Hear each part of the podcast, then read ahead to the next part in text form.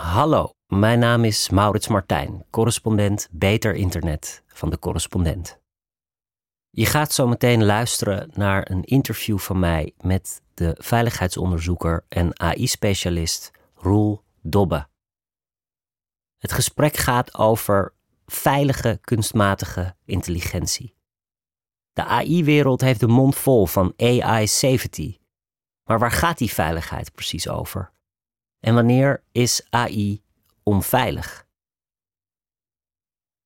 Het was een boeiend gesprek tussen Rishi Sunak en Elon Musk. Begin november zaten de Britse premier en de Zuid-Afrikaanse techbaas samen op het podium van de AI Safety Summit in het Verenigd Koninkrijk te praten over de gevolgen van kunstmatige intelligentie. Sunak stelde nederige vragen en Musk grossierde in groteske antwoorden, zoals AI maakt al het werk overbodig. Roel Dobbe had in zijn werkkamer aan de TU Delft geïntrigeerd naar zijn scherm gekeken. De veiligheidsonderzoeker was meer geboeid door het gegeven dat Musk de hoofdgast was op deze internationale bijeenkomst dan door de inhoud van het gesprek. De top ging over de veiligheid van kunstmatige intelligentie, over AI safety, over de vraag wat te doen tegen de vermeende risico's van deze technologie. En Elon Musk is zo ongeveer de antichrist voor academische veiligheidsonderzoekers als Dobbe. Dat zit hem in Musks erbarmelijke staat van dienst op het gebied van veiligheid. De baas van X, voorheen Twitter, en Tesla staat erom bekend zich weinig aan te trekken van wettelijke veiligheidsnormen en ook het advies van zijn veiligheidsadviseurs negeert hij graag. Het zit hem ook in Musks overtuiging dat kunstmatige intelligentie een existentieel risico vormt. Dat de technologie een eigen wil kan ontwikkelen en de mensheid uit kan roeien. Kul, vindt Roel Dobbe. Maar het zit hem vooral in dat Musk een benadering van veiligheid vertolkt die het tegenovergestelde is van de benadering waar Dobbe voor staat. Musks visie op veiligheid, de AI safety benadering, ziet veiligheid vooral als technologisch vraagstuk. De aanhangers ervan willen veiligheid in de AI-modellen en software programmeren, zoals Musk ook de veiligheidsissues van zijn Tesla via de software denkt op te kunnen lossen.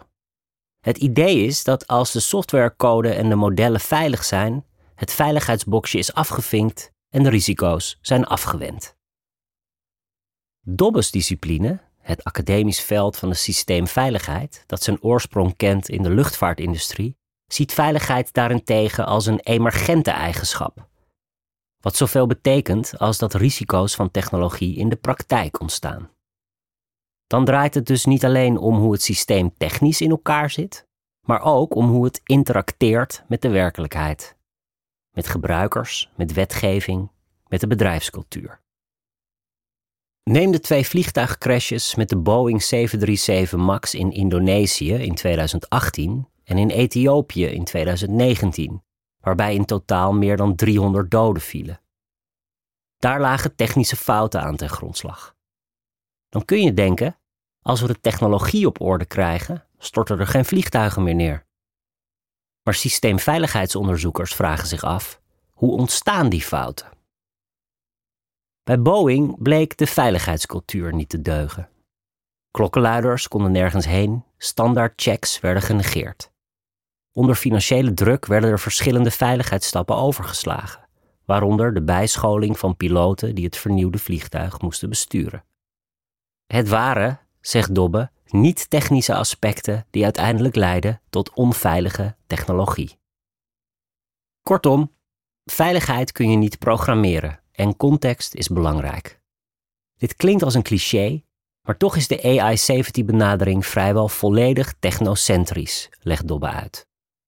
Neem OpenAI, de bouwer van ChatGPT, die de mond vol heeft van AI safety en inzet op alignment, een populair begrip in de AI-industrie. Daarbij gaat het erom dat de technologie van AI op één lijn komt te liggen met menselijke waarden, met als doel te voorkomen dat de technologie zich tegen de mens keert. Het Super Alignment Team van OpenAI, zegt Dobbe, wordt geleid door computerwetenschappers die gericht zijn op het AI-model van OpenAI. Zij moeten ervoor zorgen dat ChatGPT acceptabelere en betrouwbaardere uitkomsten krijgt. Veiligheid voor OpenAI is technologische veiligheid. Daar is overigens wel wat op aan te merken. Dobbe wijst op een recente studie die laat zien dat de huidige alignment-methode makkelijk te omzeilen is. Met een relatief eenvoudig trucje slaagden onafhankelijke onderzoekers erin om grote hoeveelheden data te achterhalen waarmee ChatGPT is getraind. Data die door OpenAI angstvallig geheim worden gehouden, omdat er veel auteursrechtelijk materiaal tussen zit en bakken vol persoonlijke data van internetgebruikers. Dit is potentieel een mega privacy- en security probleem, al dus Dobbe. De claims van het bedrijf over veiligheid kloppen dus niet, zegt Dobbe. Daarnaast richt OpenAI schade aan die losstaat van technologie. Denk aan de auteursrechten en privacy schendingen als gevolg van de dataverzamelwoede van het bedrijf. Denk aan de omstandigheden waaronder microworkers tegen een laag tarief de data van OpenAI opschonen. En denk aan de enorme hoeveelheden energie die nodig zijn om de modellen te bouwen en draaiende te houden. Daarbij komt dat producten als ChatGPT en DALI leiden aan wat veiligheidsonderzoekers de flexibiliteitsvloek van software noemen. Als je een vliegtuig bouwt, zijn er veel fysieke beperkingen, zegt Dobbe. Je moet bijvoorbeeld goed nadenken over het gewicht van het materiaal dat je gebruikt. Door die beperkingen wordt ook de complexiteit van het systeem ingeperkt. Hij vervolgt: Bij software heb je veel minder fysieke beperkingen, waardoor het systeem steeds verder uitdijt.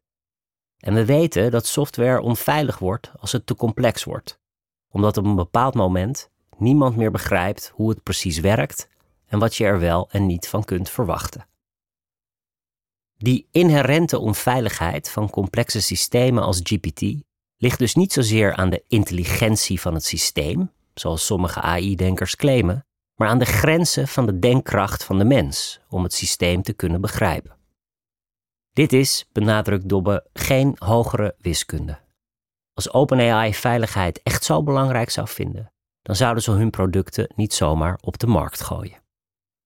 Toch is dat precies wat er gebeurt. Niet alleen door OpenAI, maar door veel techbedrijven die de AI-boot niet willen missen. In plaats van dat zij in alle rust over de risico's van het systeem in de echte wereld nadenken, worden de systemen, in de woorden van Dobbe, online geplemd en over ons uitgerold, waardoor er eigenlijk geen tijd meer is om aan systeemveiligheid te doen. Het is vergelijkbaar met een vliegtuig op laten stijgen zonder afspraken te maken met de luchtverkeersleiding, na te denken over de geluidsoverlast of je te verdiepen in de luchtvaartwet.